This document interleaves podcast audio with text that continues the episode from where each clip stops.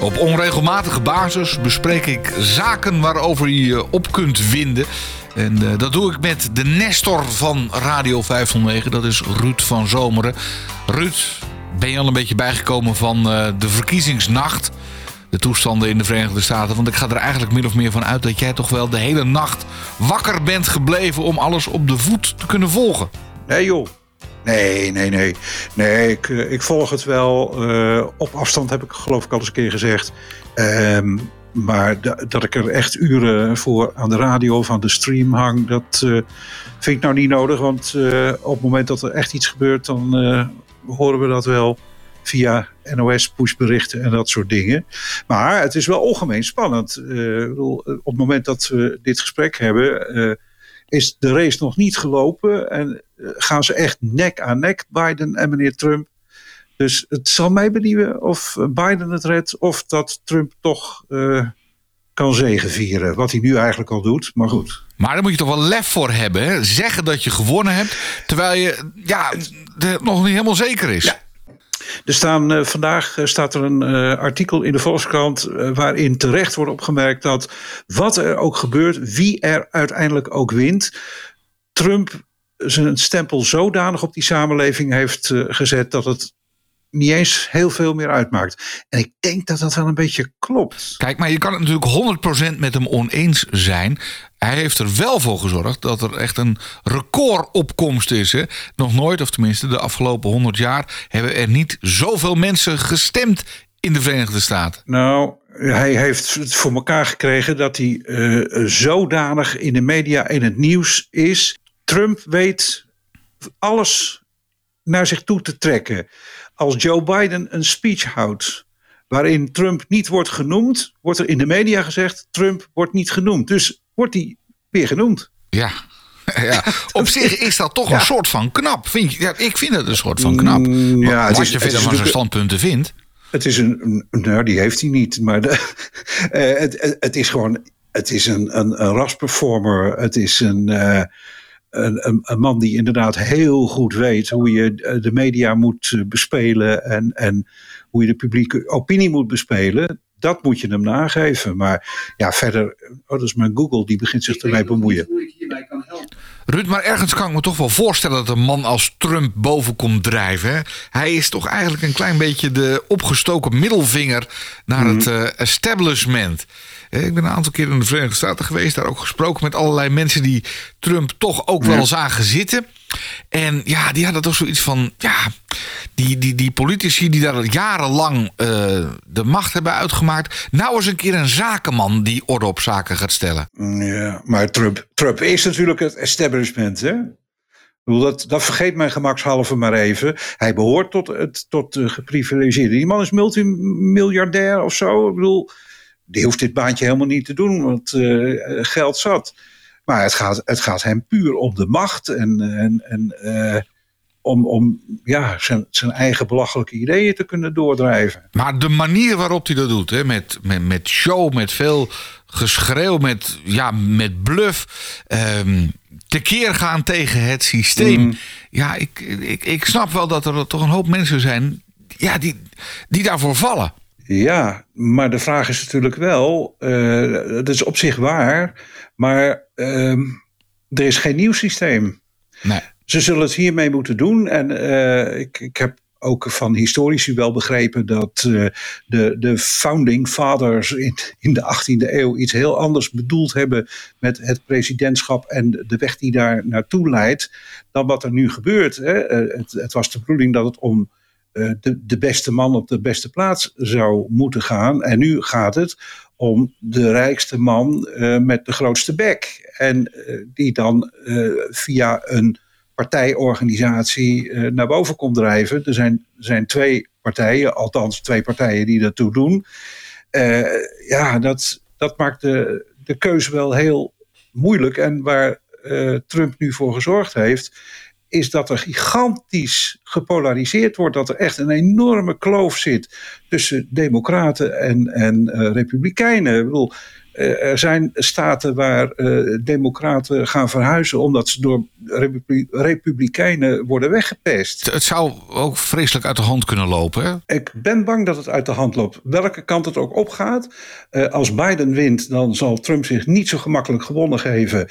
En dan uh, komen er krachten vrij waar ik maar liever niet aan denk. En als Trump zelf uh, uh, toch in het Witte Huis blijft, dan, ja, dan, dan gebeuren er ook allerlei dingen. Dan gaat het door zoals het afgelopen vier jaar al begonnen is. En beide scenario's uh, kijk ik niet naar uit. Nou ja, goed. Laten we dan even kijken. Want uh, ja, we weten toch nog niet wie er gewonnen heeft in, nee, de, in, de, in de, VS. Laten we dan even kijken naar de politiek in ons eigen land. Hè? Want daar had je je ook best nog wel even over uh, opgewonden. ja. En dan met nou, name ja. over Henk Krol en Henk Otte. Dat, dat zat jou dwars. Nou, dat, dat zijn natuurlijk twee onwaarschijnlijke charlatanachtige operettefiguren, zoals er overigens wel meer op het Binnenhof rondlopen. Maar het is toch werkelijk niet te geloven dat uh, mensen uh, ja, over niks rollend over straat gaan, de ene partij naar de andere oprichten, die vervolgens weer uh, net zo makkelijk wordt opgeheven of omgevormd tot iets anders. Daar moet toch eens een keer een eind aan komen. Sowieso, maar dat vind ik al langer Kijk, ook ons systeem begint een beetje aan het eind van zijn houdbaarheidsdatum te geraken. In die zin dat het is natuurlijk leuk dat uh, iedere boerenlul in dit land uh, een politieke beweging kan beginnen. En dus ook in de vertegenwoordigende organen kan plaatsnemen. Maar het zijn er zo langzamerhand wel heel veel. Als ik eh, even op de vierkante meter kijk. Hier in Soest uh, hebben we een gemeenteraad. Ik heb er zelf gezeten. Van 29 leden. Die 29 leden zijn nu verspreid over, jawel, 12 fracties. Dat zijn een paar landelijke partijen. En een hele hoop lokalo's. En vooral ook afsplitsingen van lokalo's. Want wat er in Den Haag gebeurt, gebeurt hier ook. er is een lokale partij, uh, daar ontstaat ruzie. Dan splitst een aantal mensen zich er weer van af. En zo heb je niet één, maar drie partijen die uh, uit hetzelfde voortkomen. Rut, ik denk dat ik de oplossing heb. Hè. Gewoon de vergoedingen, de salarissen ja? voor, um, ja, voor politici flink omlaag. He, niet anderhalf ton, maar gewoon net zoveel als een uh, ja, leraar basisonderwijs bijvoorbeeld. En als je dan minister wordt, dan mag je net zoveel verdienen als de bovenmeester, maar niet, niet veel meer. Want ja, ja, dan ga je het automatisch wel doen, als je het doet, uit idealisme. Dan, dan doe je het niet voor het grote geld. Klinkt leuk, maar ik denk niet dat dat, uh, dat, dat gaat helpen. Als je ziet, uh, weer even terug naar de gemeente, de uh, vergoedingen voor gemeenteraadswerk is afhankelijk van de grootte van de gemeente, van het aantal inwoners. Maar die is echt niet riant. Daar kun je, daar kun je niet echt van leven hoor. Dus uh, mensen doen dat om andere redenen. Uh, doen dat niet voor het geld, maar voor de macht, voor uh, de sociale contacten, voor de invloed en noem het allemaal maar op. Daar gaat het om. En daar gaat het in de gemeente om. En daar gaat het ook in Den Haag om, denk ik. Want die Kamerleden die, die, die zitten daar echt niet voor het riante salaris. Want zo heel riant is het nou ook weer niet. Maar, eh, en het is bovendien best hard werken. Als je het goed doet, heb je, ben je daar ontzettend veel tijd aan kwijt.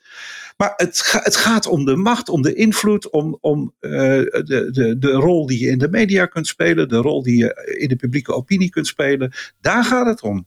Nou, ik denk ook dat er een hele hoop in Den Haag rondlopen. die daar gewoon voor hun eigen hachje zitten. Want uh, ik, ik meen dat het rond uh, de drie keer modaal is wat je, wat je krijgt als je daar zit.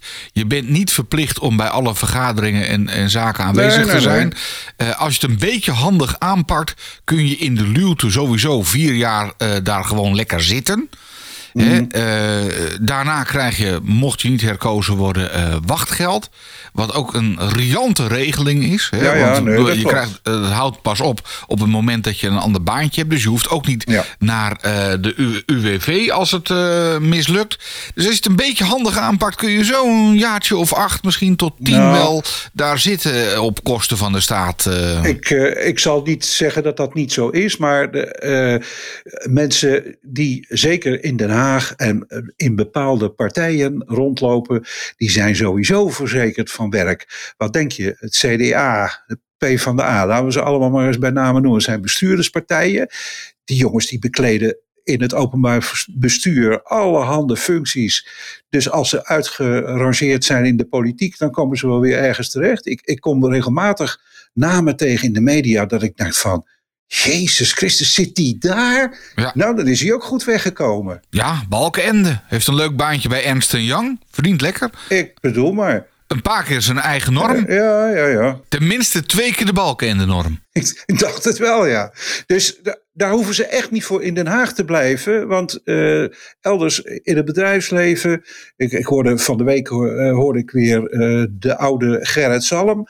Ja, die, die is echt niet rijk geworden van zijn minister van Financiën schap die is, die is rijk geworden van uh, baantjes en commissariaten bij, uh, bij de, de ABN AMRO en noem al die bedrijven maar. Ik, ben dan natuurlijk een, een kleine middenstander, hè, dus ik, ik zou wel lang blij zijn met een, een, een inkomen van een minister. Snap je? Ja, dat begrijp ik. Ja. En als je daar niet, al, En als je daar niet al te hard voor hoeft te werken, dan denk ik, nou ja, ja hè, dat spreekt mij wel aan. Mm Daar een beetje in een kamer zitten en oh god, je gaat af en toe eens, uh, je gaat af en toe inderdaad eens even naar de plenaire zaal toe. En ach, je steekt je hand een keer op of niet. Of, uh, hè, ik, uh, uiteindelijk denk ik dat je in de raad van bestuur van Visio meer verdient. Of Bartimeus, noem eens wat. En anders kun je altijd nog nadat je jaren een televisieshow hebt gepresenteerd... Eh, nou, bij het nou, CDA nou, terecht. Ja, hè? god, sorry, ja, het is toch niet te geloven. Zo'n zo'n uh, mens als Lucille Werner, ja, Ik, ik ben er niet van. Ik ken haar uit een vorig leven een beetje. En ik, ik vind het een vreselijke vrouw. Uh, en die, die gaat dan dus nu de politiek in. Ook weer omdat een oom van haar ooit senator is geweest, of fractievoorzitter in de Eerste Kamer voor het CDA. En dan denk ik van ja, uh, het is allemaal leuk en aardig, maar dat hele CDA, dat, ja, waar dat voor staat tegenwoordig, uh, trouwens tegenwoordig, ik begreep het vroeger al niet, maar begrijp het nu helemaal niet meer. Nou, de middenpartij, hè? Ja, dat, dat is het. En uh, ja. ja, Luciel Wenner natuurlijk jarenlang lingo gedaan. Ja, ja, en, ja. Uh, nou, daar heeft ze lekker mee verdiend, uiteraard. Dat, nou, dat mag ook. Ja, natuurlijk. Dat vind ik helemaal niet erg. Van harte en, gegund. Ja. En daarna die foundation van de, nou dat werd al wat minder allemaal. En ja, ja, nu kan ze dan misschien wel de Kamer in. Ja, dan zit ze toch weer even geramd. Ja, en dan gaat ze dan allerlei gratuite dingen roepen over uh, mensen met beperkingen. Uh, maar het maakt allemaal. Ja, ik, ook door het werk dat ik gedaan heb, tientallen jaren lang, ben ik daar heel cynisch van geworden. Ik heb mijn laatste klus die ik deed, daar kende ik er ook van, was in het Nationaal Comité Europees Jaar van Mensen met een Handicap. Dat was 2003. Ja. wij hadden een bureautje, wij moesten een, een, hele hoop geld er doorheen jagen. Want er was geld uit de Europese gemeenschap, er was geld van het ministerie van VWS en van nog een ander ministerie. OCW geloof ik. Er waren echt miljoenen en een groot deel daarvan, daar moesten wij projecten van draaien, projecten van subsidiëren. Dus we hadden heel veel vriendjes toen, ja. want ja, het geld kon niet op. Uh, maar wat er natuurlijk uh, aan ideeën aan ten grondslag lag van wij gaan in een jaar tijd gaan we de samenleving veranderen, gaan we de samenleving inclusief maken, gaan we zorgen dat. Oh, dat dachten ze toen ook al dat dat kon? Ja, joh. Okay. Ja, wat denk je? Dat, dat, dat is toch helemaal niks nieuws? Maar er is gewoon van die tijd af en alle mooie ideeën. Ik heb met alle grote uh, mensen uit Nederland, uit vakbeweging, uit werkgeversorganisaties, noem het allemaal maar op, aan tafel gezeten. Prachtige vergezichten werden er geschilderd. Er is geen fluit van terechtgekomen. Dan okay. echt helemaal niks. Nee, maar je moet ook niet zeggen dat je de samenleving inclusief gaat maken. Je moet zeggen dat je er naar streeft. Ja, bedoel, daar nee. is onlangs nog een club voor opgericht. Die streven ernaar. Hup, een ja. paar miljoen er tegenaan. En dan... Ja, ja, er wordt wat nee, afgestreefd. Dit, ik, ik, ik heb de stukken hier nog liggen. Er werd echt aan het begin uh, gezegd van... waar willen wij staan op uh, 1 januari 2004? Okay. En daar werd een aantal punten genoemd waarvan ik dacht van... nou, zal dat nou, jongens, kom op. Dat duurt niet een jaar, dat duurt geen tien jaar, dat duurt vijftig jaar eer dat je zover bent. Ja. Heb je dat toen ook gezegd? Of eh, was je daarna meteen je baantje kwijt? Dat kan ook, hè? Nou, je dan echt gaat dat, roepen. was, dat was natuurlijk wel een beetje een probleem. Dus je hebt je Want- mond gehouden. En, Nou, nee, dat nou niet. Maar ik kon natuurlijk niet, en zeker niet aan plein publiek, zeggen van jongens, ja, ik, eh, ik verdien lekker bij een toko, maar ik, eh, ik zie er geen brood in. Dat, dat kon ik natuurlijk niet maken. eh, maar ik, ik had intern toch wel eens iets van. Jongens, is dit nou de manier? Gaat dit nou werken, denken jullie? Ik denk het eigenlijk niet. Maar ja, dat- dan word je toch gauw afgeschilderd als eh azijnpisser en zuurpruim en eh, wat iets meer zei. Ja. Dus dat leer je op een gegeven moment ook wel weer af hoor. Dan denk je, nou ja jongens, oké, bekijk het maar. Ik verdien hier een leuk salaris. En straks dan eh, is de zaak, is het project klaar. Nee, maar goed, ik, ik kan af en toe wel eens een beetje jaloers zijn op dat soort projecten die dan eh, gestart worden. Hè? Eh, consortiums waar dan Ja. klauwen geld naartoe gaan. En Ja. dat je eigenlijk, als je een paar mensen ervan spreekt, dat je eigenlijk gewoon al aan je klompen voelt. Van nou jongens, dit leidt tot helemaal niks. Ja, en ben ik nou de enige die dat ziet? Of eh, Ja, niet, niet om het een of ander. Jij hebt toch ook een projectje? Ja, Daar, daar loop je toch ook aardig op binnen? nou was het maar zo.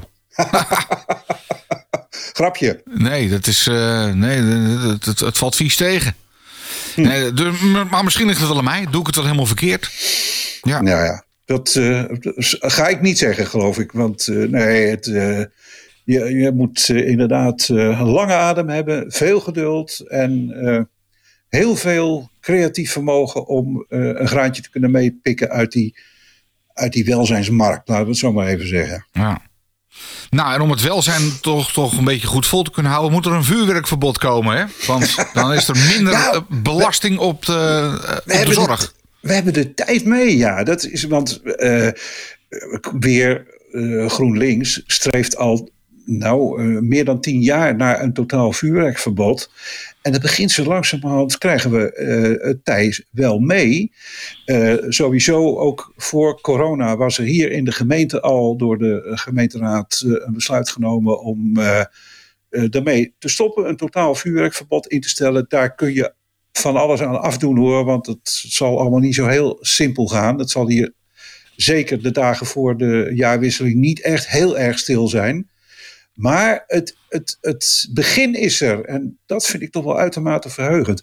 En nu komt inderdaad het, het kabinet en een aantal maatschappelijke organisaties en personen terecht met het idee van ja jongens, uh, als die zorg nu al overbelast is, ja dan gaan we daar straks nog een paar honderd uh, vuurwerkslachtoffers uh, bij optellen. Dat gaan we helemaal niet doen. Dus geen vuurwerk. Heerlijk. Heb jij niet vroeger geknald? Nee. Ik, nee? Ja, nee, ik wel. Nee, ik, ik, vond het nee. als, als kind vond ik het leuk. En als puber ook. En uh, ik moet je zeggen dat een, een, een beetje explosie, ja, dat heeft toch wel wat hoor. Ja, nee, ik, uh, ik, ik was er eerlijk gezegd als de dood voor voor die zooi. Ik, het was wat dubbel hoor, want als kind, ik vond, het wel, ik vond het wel mooi om naar te kijken. Ik vond het wel leuk. Ik ging met mijn uh, grootouders die in Den Haag woonden ook graag op donderdagavond naar Scheveningen, waar dan op het strand uh, een vuurwerkshow was. Maar dat was gewoon een georganiseerde show. Ja. Maar thuis met, uh, met de jaarwisseling gingen we ook altijd wel even naar buiten. Maar ik, uh, ja goed, dan praten we over tientallen jaren geleden. Toen was het ook al slecht. En toen waren er, werden er ook wel mensen gewond. Hè? Ja. Maar zo erg als het nu is. en ook de, de, de rotzooi die wordt afgestoken. De, de kracht van mortiergranaten. Dat had je toen toch voor zover ik weet, niet of nauwelijks. Ja, ja, karbiet schieten had je vroeger. Ja, dat was, ja, okay. wel leuk hoor. Op nou, het ja, platteland, ja, dat is uh, leuk en goedkoop. Ja, enorme dreunen. nou ja, goed. uh, dus ja, nou ja, kijk, ik, ik snap het natuurlijk wel hè, van uh, dat je. Uh, want ieder jaar raken er een heel aantal mensen gewond. En dan niet alleen de mensen die het spul afsteken, maar ook mensen die er vlakbij staan. Precies. En daar vind ik het wel heel erg voor. Ik bedoel, als je zelf nou gewoon echt een uh, mortierding afsteekt. en je houdt hem te lang vast en je mist je handen daarna. nou ja, goed. Ja, hè, jammer dan. Ja, het is all in ja. the game. Mm -hmm. Maar als de buurvrouw die er niks mee te maken heeft ook gewond raakt. En ja. als die dan niet naar het ziekenhuis kan omdat de hele boel vol ligt met corona. Nou oké, okay, dan maar even een vuurwerkverbod. Ja, nou, in, precies. Zo, dat op zo, zich zo is het. Dus we zullen zien uh, waar dat uh, op uit. Het is volgens mij nog niet helemaal rond. Het moet nog door de Kamer als ik het goed heb. Maar ik, denk wel dat het uiteindelijk tot een verbod zal komen. Maar dan krijgen we natuurlijk de vraag van, ja, hoe handhaven we dit? Want je kunt toch moeilijk op elke straathoek een politiepatrouille stationeren. Dus dat, dat zal wel een dingetje worden. Ja. Hey, nou, volgens mij hebben we eh, ondertussen zo'n beetje alles waar, uh, wat, wat, ons dwars zat uh, besproken. Ja, hè? Ah, we, hebben de, we hebben de piloten nog niet gehad. Oh, de piloten. Daar, daar wou ik nog wel even iets over nou, zeggen. Doe jij nog even de piloten. wat, wat zie je er? Ja. Nou, ik, het is inmiddels natuurlijk al wel weer enigszins achterhaald. Want de KLM-vliegers zijn door de bocht. Die zijn ook akkoord met salarisverlaging. Dat zal ze god betere toch geraaien zijn. Want het zijn wel mannen die uh, eh, 2,5 à 3 ton aan die baan overhouden. En het tegenargument is dan van ja, dat hebben we nodig, want we hebben hoge kosten eh, gehad eh, qua opleiding. Die kosten die belopen zo, laten we zeggen, een ton, anderhalve ton. Je maakt mij niet wijs dat je met zo'n salaris in een x aantal jaren tijd die schuld niet kan aflossen. Dus daar hoef je niet voor jaren zo'n enorm salaris voor te verdienen. Bovendien ja, uh, het zou wel zo netjes zijn geweest als ze gelijk hadden gezegd van oké, doen we ook. Want al hun collega's aan de grond, het cabinepersoneel en noem maar op, die waren al vrij snel uh, akkoord met die verlaging. Dus ik, uh, ik vind het bijzonder lullig van die mannen dat ze zich zo lang hebben verzet. Overigens zal het allemaal niet heel veel helpen, ben ik bang.